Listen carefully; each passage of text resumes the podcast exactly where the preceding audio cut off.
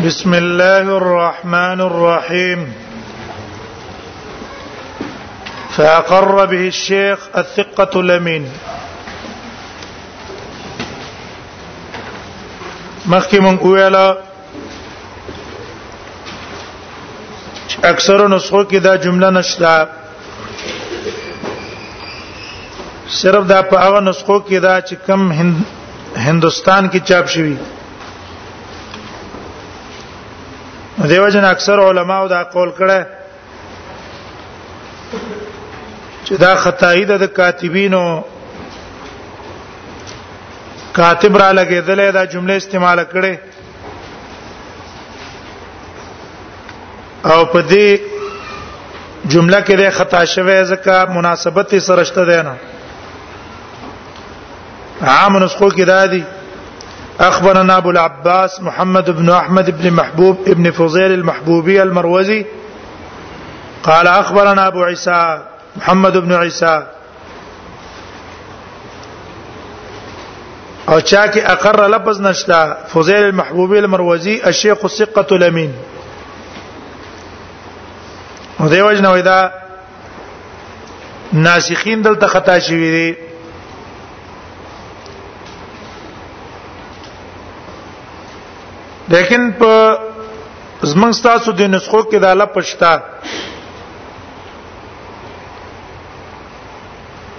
دیو جن علماء را لګی دي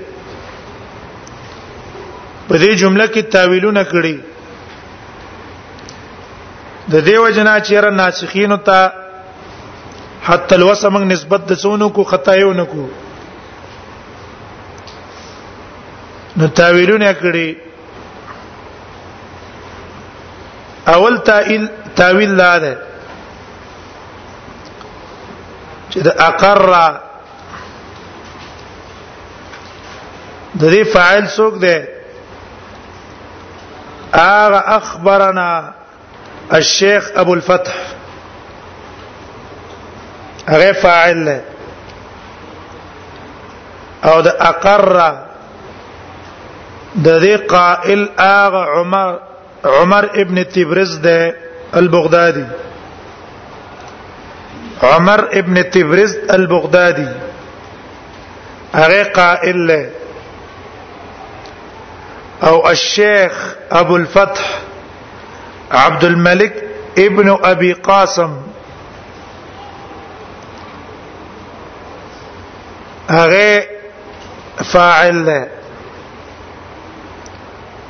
مقصد د جملې دا ده عمر ابن تبرز البغدادي وایي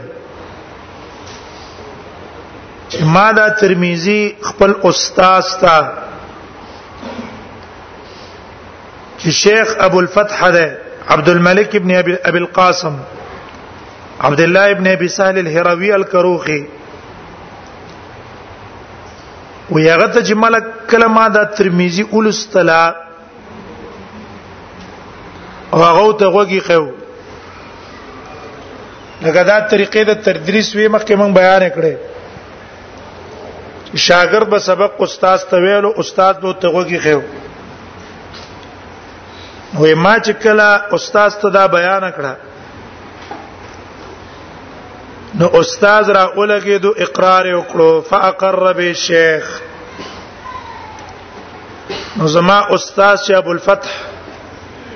عبد الملک ابن ابي القاسم نه هغه په دې باندې اقرار وکړو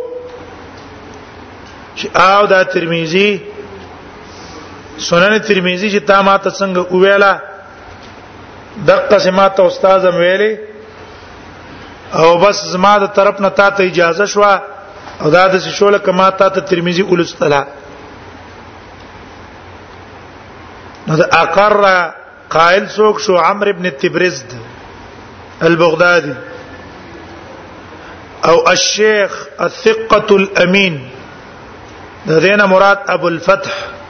عبد الملك شو نو فاقر عمرو ابن تبرز البغدادي وای فاقر به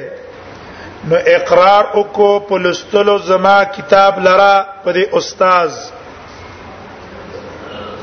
الشيخ الثقه الامين هغه شیخ چې ثقه هم ده او امین هم ده چې ابو الفتح له زما استاد هغه اقرار وکړو چې او ترمذی هم دغه طریقه ده امام ترمذی چې دا کتاب په کومه طریقه ویله ما د خپل استاد نوم دقه څه اوریدل او تا ما ته وسویل دا معنا ظاهر کې اولګې دلا لیکن په دې معنا کې خلل او نقصان شته نقصان هغه ده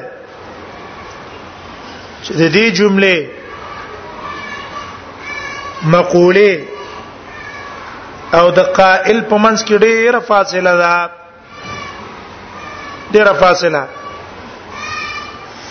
په کار دا و چې د الته استعمال کړه وي اخبرنا الشيخ ابو الفتح عبد الملك ابن ابي القاسم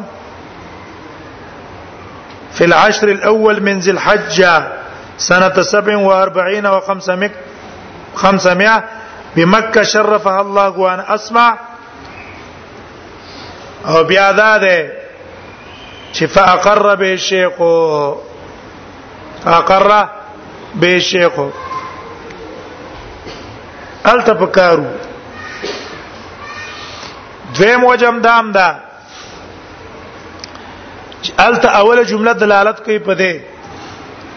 چې استاد ته کتاب ویلې ده شاګرد ته وګي خیره استاد ته کتاب ویلې شاګرد ته وګي خیر او فاقر به شیخ جمله دلالت کوي په دې چې شاګرد استاد ته ویلې استاد ته وګی خې او په اخر کې به اقرار کړی دی چې آو ما ترمذی د قصې د خپل استادانو نه اورېدلې یو خو فاصله ده دویم دا اولی جمله او د اخري جملې په منځ کې څه نه نشته مناسبت هم نشته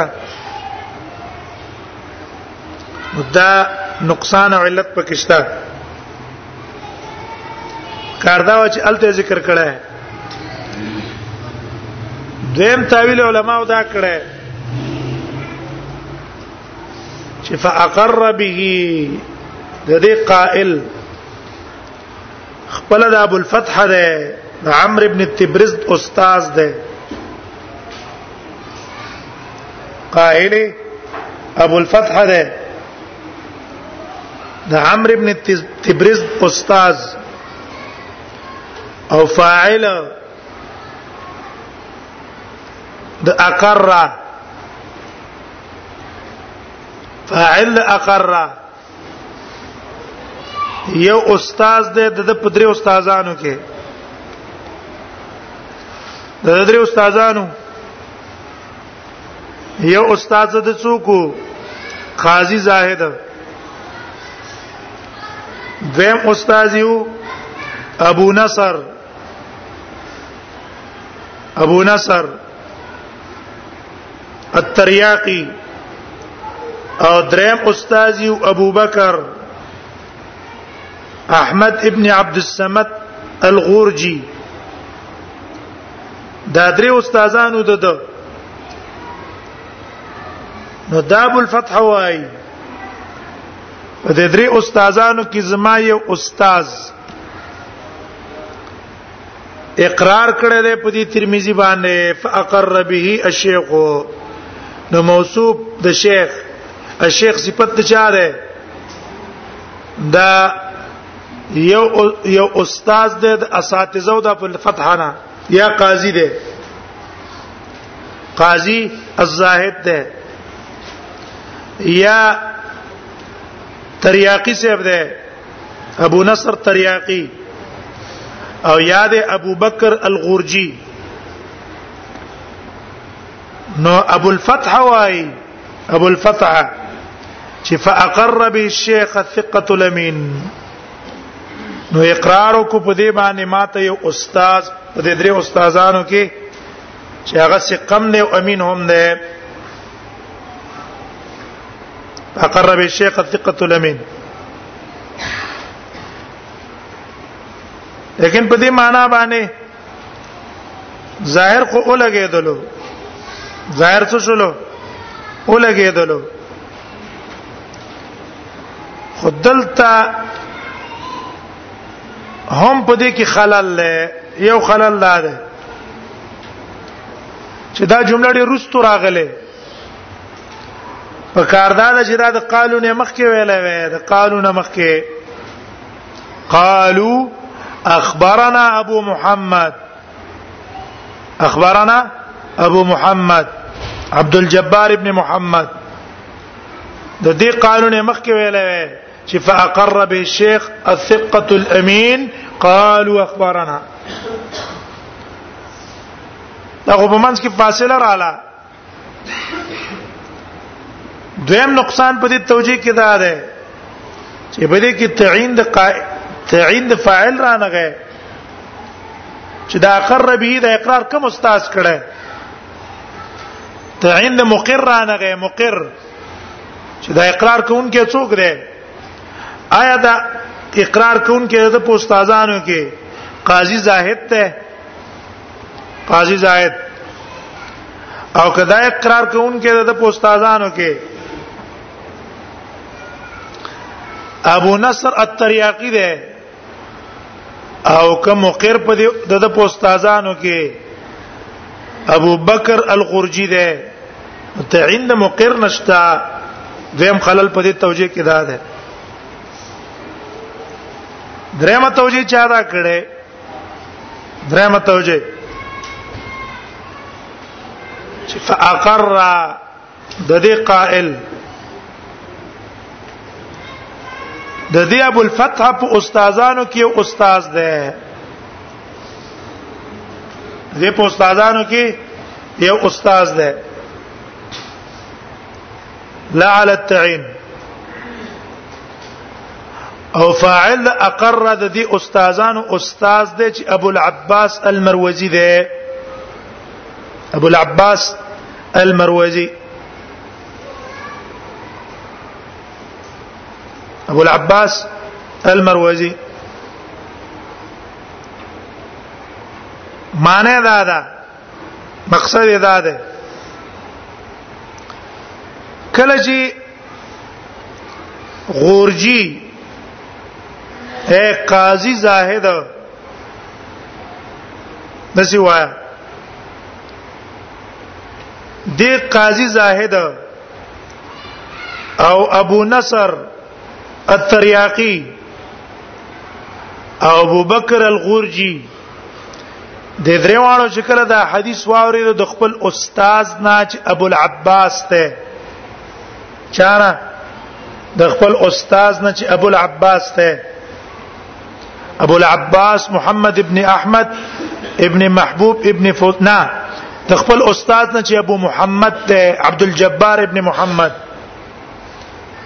د دې استادانو نه چې کله روایت واوري دا ترمذی واوري دا د دریوانو نو د دریوانو کې یو تن لا علی التعین لا علی التعین په دې کې یو تن لاړو د دې عبد الجبار استاد تا چې د عبد الجبار استاد څوک ابو العباس الته ورغه او هغه ته ویل چې عبد الجبار منګ ته ستانه ترمذی را نقل کړي آیا تا غي ترشته ترمذی ویل ده کنه دا تا عبد الجبار ته ترمذی ویل ده کنه دا ویل او که اسه تا ته نسبت کې چې ما ترمذی دي چا نه ویل ما ترمذی پلان کې استاد نه ویل ابو العباس نه نجدیو ته دا خبره وکړه فاقر به الشيخ الثقه الامين دق شیخ چې څوک دی ابو العباس ته هغه په اقرار وکړو چې او مال ترمذی عبد الجبار ته ویلې انا باندې ورسېدای نو قائل څوک شو د دې ابو الفتح په درې استادانو کې استاد شو د درې استادانو کې یو استاد شو دا قائل شو او فاعل هغه ابو العباس شو فاعل ابو العباس شو الثقه الامين نه مراد څوک دی ابو العباس ته معنی دا شو چې د درې استادانو کې یو استاد چې کله دا ترمذی د عبد الجبار نواوري دا دی ولاړ او د ابو العباس نه تاسو کو چې اخبرته آیا تا خبر ورکړې ده په دې ترمذی باندې عبد الجبار ته نو فاقر به الشيخ اقر به الشيخ نو دغه شیخ الثقه الامین چې ابو العباس ته د په اقرار کو چې او ما دا ترمذی څه کړی دا ما دا ترمذی عبد الجبار ته ویل او عبد الجبار زمان اوریدل هغه مثال زم ته ورزیدو د پاره مونږ ترمذی دی استاد نه وایو او استاد مونږ ته وی چې ترمذی ما د پلان کې نه ویلې اوس موږ لاړ شو هغه نه تاسو کو چې رښتیا دا ترمذی دی پلان کې تانه ویلې هغه چې او ترمذی کې دا پلان کې زما شاګرد دی دین د قصې کار کړه استاد د ترمذی ویلې او د استاد استاد ژوند دی دیوتلی دی ابو العباس تا دا غنه به او اقرار غسته دی چې تاو ته ویلې کنه هغه ویلاو دا مې اورېدلې تکشوا لیکن دا توجیه ظاهر کې صحیح ده لیکن زعب پکې شتا زعب هغه ده چې دا توجیه به اله صحیح شي چې د دریوانو استادانو لقاء د چا څخه ثابت شي د دریوان استادانو لقا ثابت شي د ابو العباس را دریوانو لقا ثابت شي د ابو العباس را چې دی د ابو العباس سره ملاقات کړي او دا خبره او تکړه ده الا به توجیه صحیح شي لیکن لقا مشکله ده چې د دیو د د استادانو د ابو الفتح د استادانو لقاء د ابو العباس سره غلي ولی وجداد چې ابو العباس دا وفات شوه دی په 300 شپږ څلوخ هجری کې وفات ده 300 شپږ څلوخ هجری کې او قاضي الزاهد دا پیدا شوه دی په 300 هجری کې په 400 هجری کې نو د قاضي ابو زاهد د پیدایش نه مخکې مخکې تقریبا 450 کال مخکې ابو العباس وفات ته د ملاقات سره ثابت نشو د ملاقات سره ثابت نشو دیو جنا چې داغه ملاقات سره نه غي دغه څه دي زميلانو چې د مرګري دي ابو نصر الترياقي او بکر الغرجي هغه ملاقاتونه وسنه دي شوی نو دیو جنا الا بدا صحیح وي چې دیو سره ملاقات شوی او په اقرار کړه بل لاره چې دی دا غره ته پوس کې چې تاو ته ویلې دا کنه دا ویلې خو زر زر به ترمذی ته ویلې کنه سند څه شوی وی عالی شوی وی ولې دا سند عالی او دا سند نازل خو ډیر غټه درجه او مرتبه ده هغه علما به کوشش کوي د څه د پاره د علول اسناد د پاره چې ما سند څه شي عالی شي نو چې دون هغه سم ملاوي ده خو ضرب او تدادیسونه هم څه کړه ترمذی به هم ته ویلې وې نو به به دی استاد ته پکې څه نه راتللې واسه ته بنه راتللې نو څلورمه توجه چې هغه لګ راجح اخکاری هغه دا ده چې د اقر قائل د خپل عبد الجبار د عبد الجبار او فاعل ابو العباس ته فاعل ابو العباس ده معنی دا شو عبد الجبار چې کله دا ترمذی د خپل استاد نه ویل چې ابو العباس ته ابو العباس نه ترمذی ویل نو دی عبد الجبار ته تپوس وکړلو نه دی عبد الجبار تپوس کو د ابو العباس نه یو استاد حسین شي انا په قار شي یو تپوس نه دا کومه چې ته اخبرنا ابو عيسى محمد ابن عيسى ابن ثور الترمذي نو دې تپوس کو چې رښتیا وایا اخبرک الامام الترمذی امام ترمذی نه تا په خپل ترمذی ویلې ته دا غ شاګرد دی بلا واسطه فاقر به الشيخ ابو العباس الثقه الامين الشيخ الثقه الامين نه څوک مراد شو ابو العباس شو د اقرار کو چې او ما ترمذی په خپل د دا ترمذی په خپل د امام ترمذی نه ویلې او زه داغه د امام ترمذی شاګرد ما بلا واسطه احد زما داغه په منځ کې څوک واسطه نشتا دا تر دا توجیه راجع په دې ښکاری چې یو خو فاصله نشتا فاصله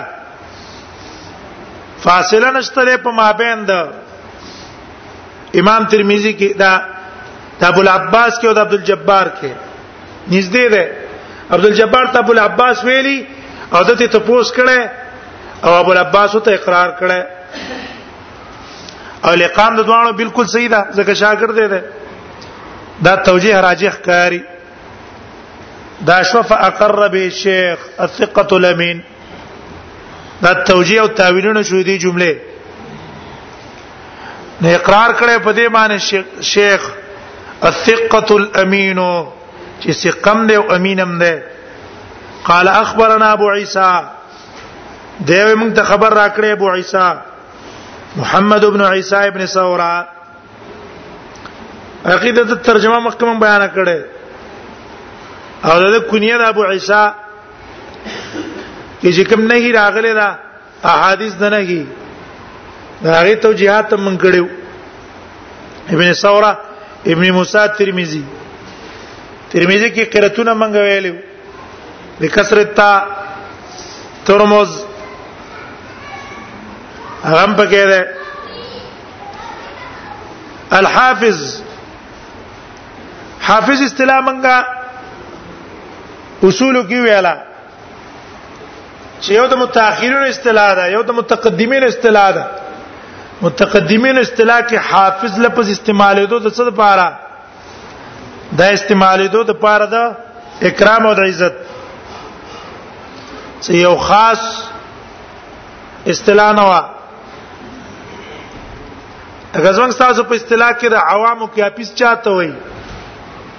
ړون ته اپیس وای اپیس ده د قارانو په اصطلاح کې حافظ چاته وای چې قران ته یادي اته حافظ وای او قاری متوي حافظ متوي او یو اصطلاح د متأخرین محدثینو ده حافظ هغه چاته ویلو چې هغه ته د لاکو نه برابره احادیث یاري ته حافظ بویلو نو الحافظ قال ابواب الطهاره عن رسول الله صلى الله عليه وسلم امام ترمذی ویلي دي ابواب الطهاره ابواب الطهاره په ترکیب کې خبر ده د پاره د مبتدا محذوفه جهازي ابواب الطهاره دا کوم چې بیانې کې دا ابواب دي د طهارت عن رسول الله صلی الله علیه وسلم یو اصطلاح ده د عام محدثینو دا غي طریقه اصطلاح ده چې هغه غټ عنوان دی په نوم د کتاب کتاب الطهاره کتاب الصلاه کتاب الطهاره کتاب الصلاه کتاب الزکاه او یو اصطلاح ده د امام ترمذی امام ترمذی غټ عنوان چې دینو په لفظ د ابواب سره کې دي ابواب به په دې ابوابن کې واړه واړه بابونه کې دي ابواب جمع د باب ده ابواب چې جمع د باب شو د باب خپل معنا تاسو ته معلومه ده الفتحه هغه کولاوالی ته ویل کی چې په دیوال کې او دا غي په وجه سره کور ته دنن نه وځي او پیراوځي یو هغه سوره ده په دیوال کې چې داغه په ذریعہ سره کور ته د نزی او بار ته راوځي د تباب وي نو به دې باب تم باب زکه وي د علما په اصطلاح کې چې دا مې سوره ده چې دې په ذریعہ باندې یو خاص نوع د مسایلو ته ورځي او خاص نوع د مسایلو نه پیروځي نام یو ذریعہ د پار د معلومات ته یو خاص نوع مسایلو ام فرق به من کړو د طهارت او د ابوابو چې طهارت څه ته وي او باب څه ته وي الته موږ ویلو کوم مقصود بیان د مسائلو په اعتبار د جنسیت انواع او لحاظ پکې نه کې صرف جنسیت کې مشترکی او پکې بیانې کې نو الته تعبیر په څه باندې کوي تعبیر په کتاب طهارت باندې کوي او کچرتا مقصود بیان د مسائل به انواعها الته تعبیر کوي په بابوم سره او کوم مقصود په کې څه وی فصلی فصل نو الته به تعبیر په څه باندې کوي فصلن باندې کوي به مصنف جمع راوړ ابواب وجه دا ده چې په دې کتاب کې اسلام دی مختلف انواع بیانېږي مختلف انواع د طهارت نو دې وجه نه لپس د جمع راوړو چې شامل شټول تا الله الرحمن الرحيم ابواب الطهاره عن رسول الله صلى الله عليه وسلم ابواب دی بیان د طهارت کې او عن رسول الله صلى الله عليه وسلم د نبی صلی الله علیه وسلم نه مخکې من ویل سنن ابو داود کې چې د عام محدثینو طریقه دا ده هغه احادیث او آثار په خپل کتابونو کې ذکر کړي په طریقې د فقهاو یا په عنوان د کتاب سره یا په عنوان د بابن سره امام ابو داود باب کې کتاب الطهاره لیکن امام ترمذی طریقه دا ده چې هغه په لفظ په زید کتابون باندې لفظ د ابواب ذکر کړي ابواب او بیا د ابوابون تر ورستو لفظ د عن رسول الله ذکر کړي دا چې وای ابواب الطهاره عن رسول الله او ابواب الصلاه عن رسول الله ابواب الزکات عن رسول الله صلى الله عليه وسلم دا عن رسول الله ول ذکر کوي علما د دې نقطه ذکر کړي غرض د امام ترمذی په دې لفظ د عن رسول الله کی اشاره ده خبره ته چې کوم احادیث په دې باب کې ذکر کومه وردا احادیث مرفوع دي رسول الله صلی الله علیه وسلم ته دا مرفوع دي رسول الله صلی الله علیه وسلم ته موقوفات نه دي او دا قید ولې ذکر کو دا د دې وجه نه چې د مخکینو متقدمین علماو طریقه دا و هغه خپل کتاب کې موقوفات مرفوعات دوان راوړ په کتاب کې موقوفات مرفوعات دوان راوړ لکه موطا امام مالک او اخلاق موطا امام مالک یا د موسی ابن عقبه مغازی واخلا یا نور کتابونه والا هغه موقوفات او مرفوعات دواړه مشترک ذکر کړي دا غیر ورسته علما راولګیدو امام بخاری امام ترمذی امام ابو داود امام نسائی وغيرهم هغه راول کې تمیز یو کړ د احادیثو مرفوعو د آثارونه صرف مرفوع روایتونه راول او موقوفات او آثار د صحابه پرې کوسته امام ترمذی لفظ د عن د دې لپاره زیات کو اشاره وکړه چې ګورا په دې ابواب کې به صرف احادیث مرفوعه ذکر کوم او آثار موقوفه هغه زنه ذکر کوم ذکر لفظ د عن رسول الله صلی الله علیه وسلم د کړه ابواب جمع د باب ده سنن ابو داود کې مونږ ویلو چې لفظ د کتابن او د بابن د دې استعمال په زمانه د تابعینو کې راغله تابعینو کې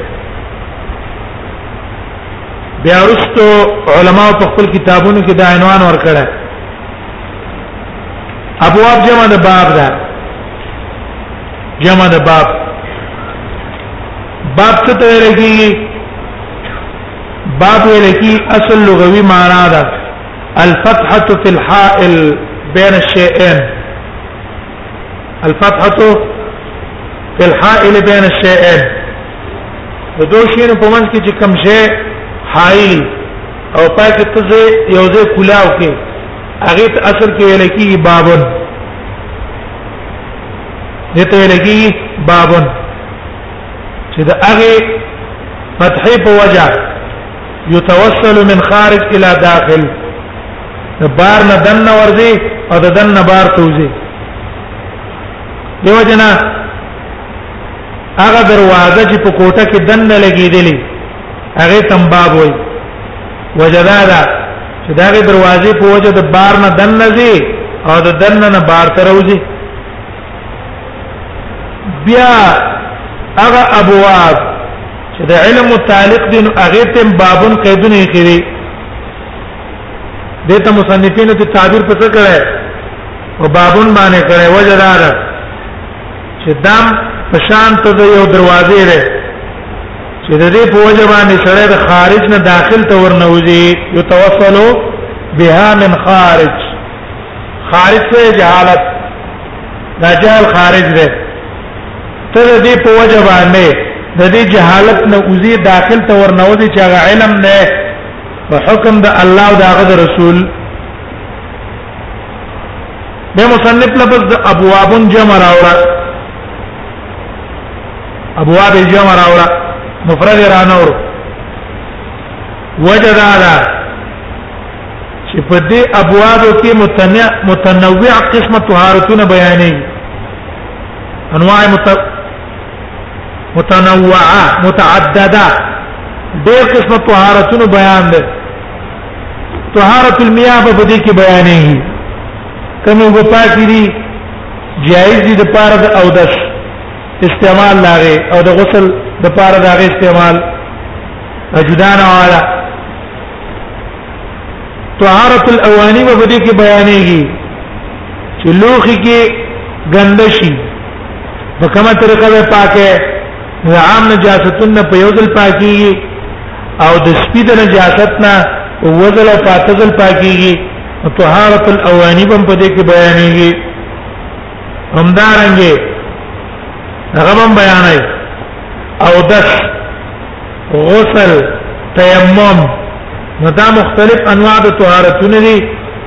نو دا مختلف انواع د طهارتونو په دې باب کې ذکر کیږي نو دیو جن تعبیر ته پتو کړو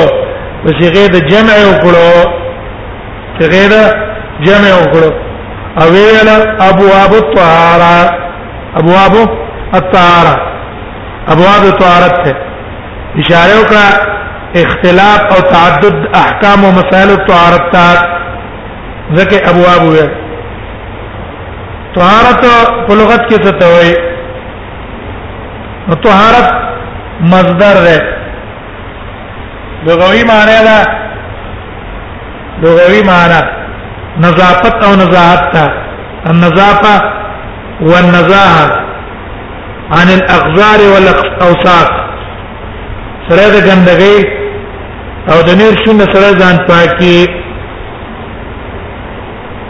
برابر خبره ده کدا ګندګیانه حسی وی چې بستر ګوخکاری او کمانوی وی پټي ګندګیانه دی په انسان کې بد بد خوینا بد بد خصلتونه داغه پاکي ته هم طهارت وي دغه بدیل غوي معنا باندې په حدیث کې راغلی د ابن عباس رضی الله عنه روایت ته چې رسول الله صلی الله علیه وسلم به اذا دخل على مريض یو بیمار باندې به ورغه نبی صلی الله علیه وسلم لا باس لا باس طهور ان شاء الله لا باس طهور ان شاء الله وي پروا نشته ستاسو بیماری ان شاء الله تعالی پاکون کړه ونه ونه به پاک کی ترواج امام بیقی راوړل پاکون کې د ګناون نه ده نو رسول الله صلی الله علیه وسلم مرسته متطهر ویلو ځکه چې دې باندې طهارت راځي د ګناهونو نه هم په اصطلاح د شریعت کې څه ته وایي نو په اصطلاح د شریعت کې ابو داود کې موږ تعریف کړو یا خو عبارت عن غسل اعضاء مخصوصه بصفه مخصوصه عبارت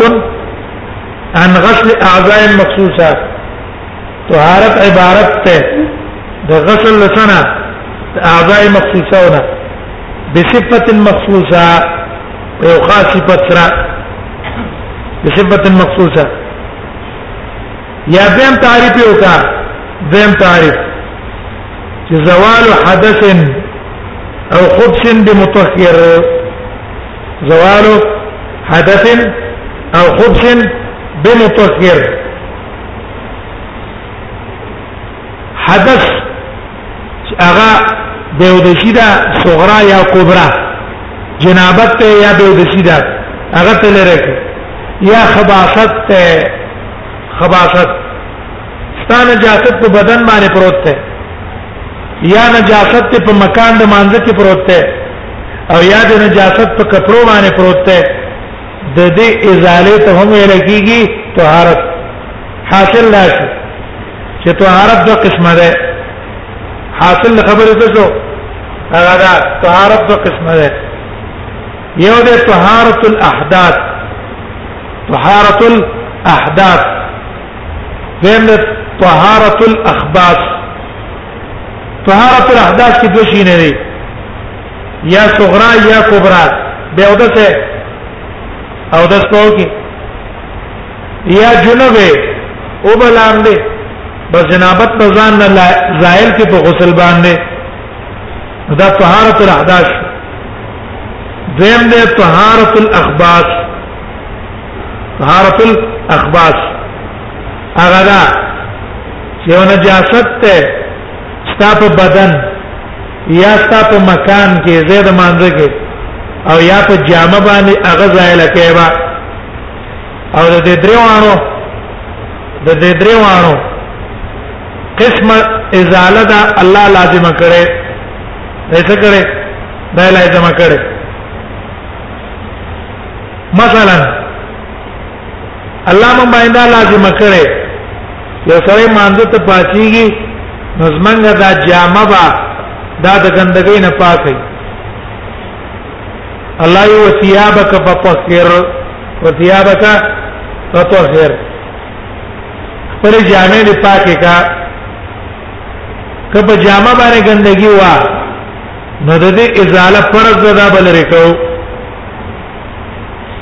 دویم د بدن بم پاک ساتو د ګندګۍ نه دویم طهارت البدن من الاخباث ظاهری ګندګۍ نه به ساتو ولی احادیثو کې وعید راغلی دا هغه چا هغه د امتیاز نه ځان نه ساتي حدیث برستراشي چې اما كان هذا فكان لا يستنزه من البول او دیو جناب محدثین باب کې دی باب الاستبراء من البول د امتیاز نه ځان ساتل ګوره دا لازم دی دا دیو نه ستا بدن ګندای نو مونږ نه کیږي هغه ته معلوم شو او طهارت المکان طهارت المکان هغه معلوم چې دا حدیث نه چې هغه عربي په جماعت کې میته یو کړی کې نه کړی رسول الله صلی الله علیه وسلم ویل احريق على ماء سجل سجل مما ذنوبا مما بوکی په واړوي په هغه ځای باندې بوکی ولې اړولې دا د دې وجنه چې طهارت مکانم ضروری ده طهارت د مکان هم ضروری ده نو دې وجه مصنف کې ابواب الطهاره مصنف رحم الله به دا ټول قسم طهارتونه په دې کې څه کې دا به بیانې طهارت الصوت طهارت المكان طهارت البدن او دانګ طهارت البدن من الحدث يا حدث کې څه الوضوء الجنابه الحيض والنفاس د دې نه بدن پاک دا ټول په دې کې بیان دی مصنف رحم الله ویل قال ابو عيسى قال ابواب الطهاره کڅوګ له اعتراض کی چې مصنف رحم الله ابتدا د کتاب د طهارت نه ولې وکړه مصنف رحم الله ابتدا د کتاب د باب الطهارت نه ولې وکړه نو نور نه به شروع کړه جواب دا غي نه ده چې منځ منځ دا من اعظم شعائر الاسلام بعد الشهادتين د شهادت اقرار لرستو په تمام شعائر الاسلام کې لوی شعائر کم نمونه دیو جرسو به اختلاف راشي چې تارک د صلات کسلن کافر دی کنه دی څو علما قول د کوپر کړی دی چې تهاونن کسلن سره مونږ پریدي په کافر دی لیکن تارک د روزي د زکات ته په اتفاق د علما کافر نه لګيږي چر په مانځ کې اختلاف دی دیو جنا اعظم شعائر اعظم شعائر الاسلام بعد الاقرار بالشهادتين دا کوم یو شی شو دا مونږ شو او د مونږ د پاره اهم رکن اهم رکن دا طهارت ده اهم شرط لته رکن نه شرط ځکه داخل بشي او خارج بشي کنه کوم چې داخلي هغه ته ارکان وای چې کوم خارجي هغه ته شرط وای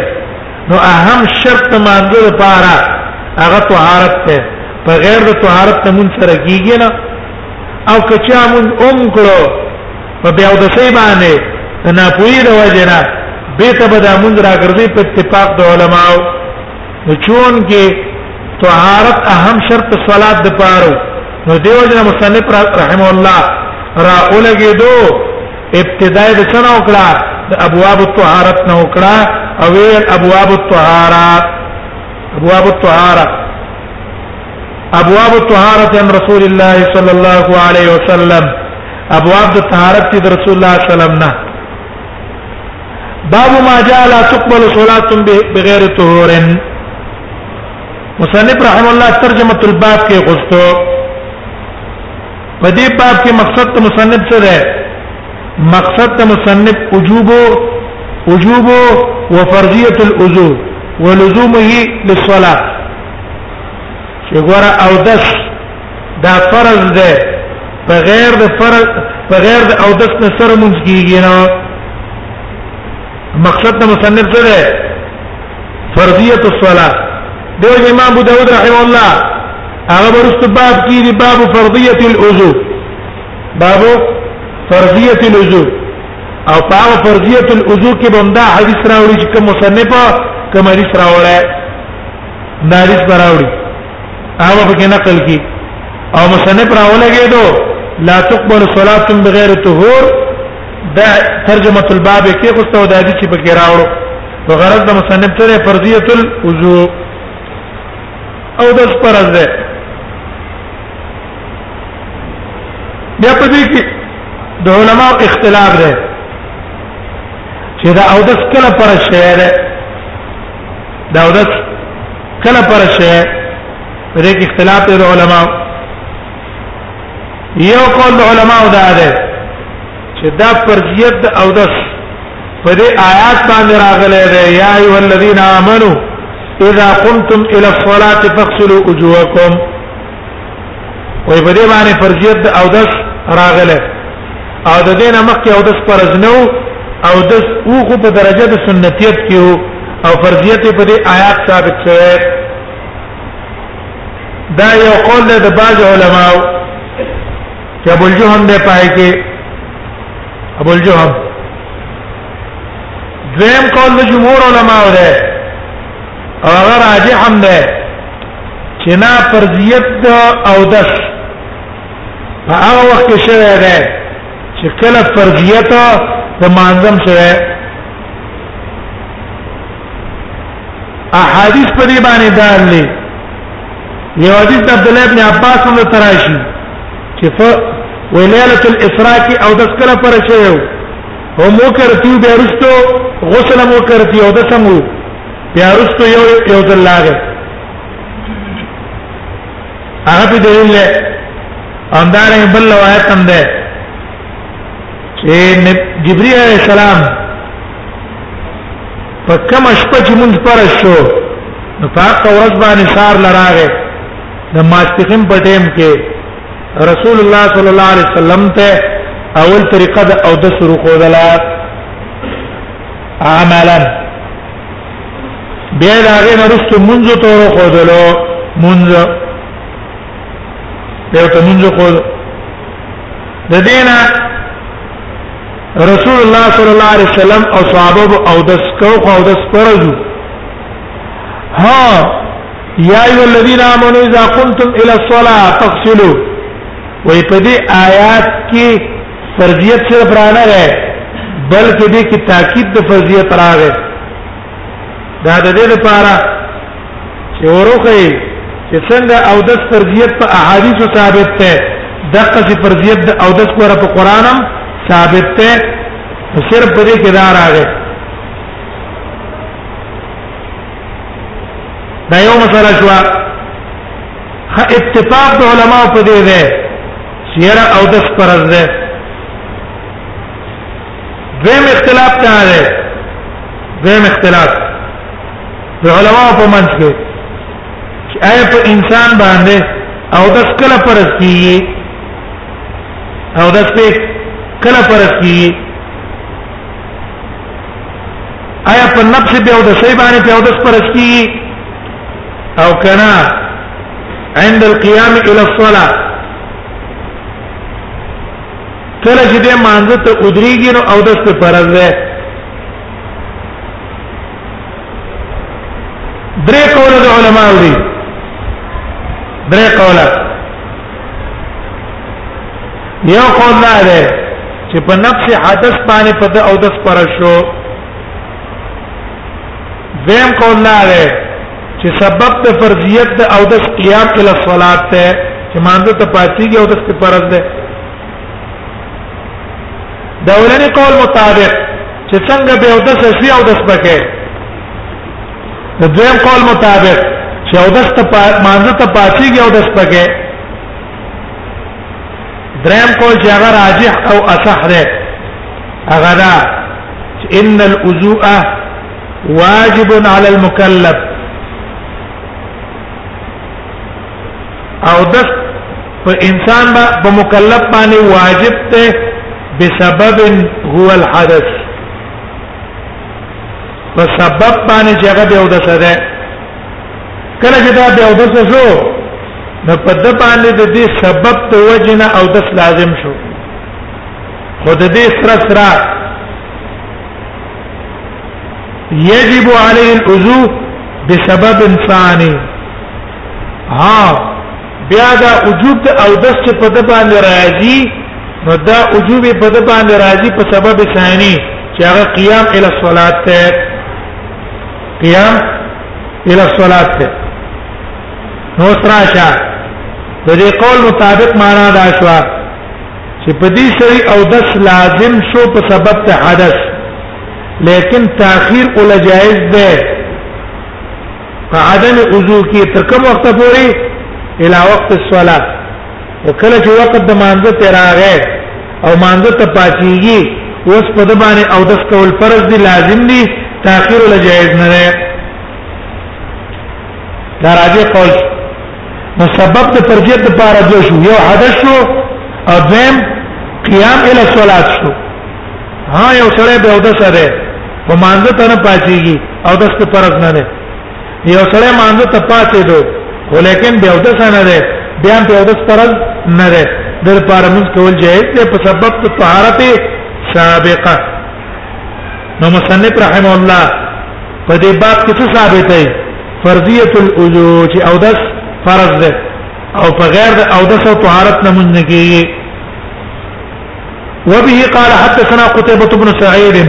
قال أخبرنا أبو عوانة عن سماك بن حرب مخکې هغه امور چې متعلق دي د سند سره هغه مخکې موږ بیان کړه سم کړه هغه بیان کړه به ته اعاده نه کوي راغی ځان ته تاسو د تقریر کې خپل لیکي ځان ته اولې کې به ته اعاده راغی نه مصنف رحم الله دو سنه راوړي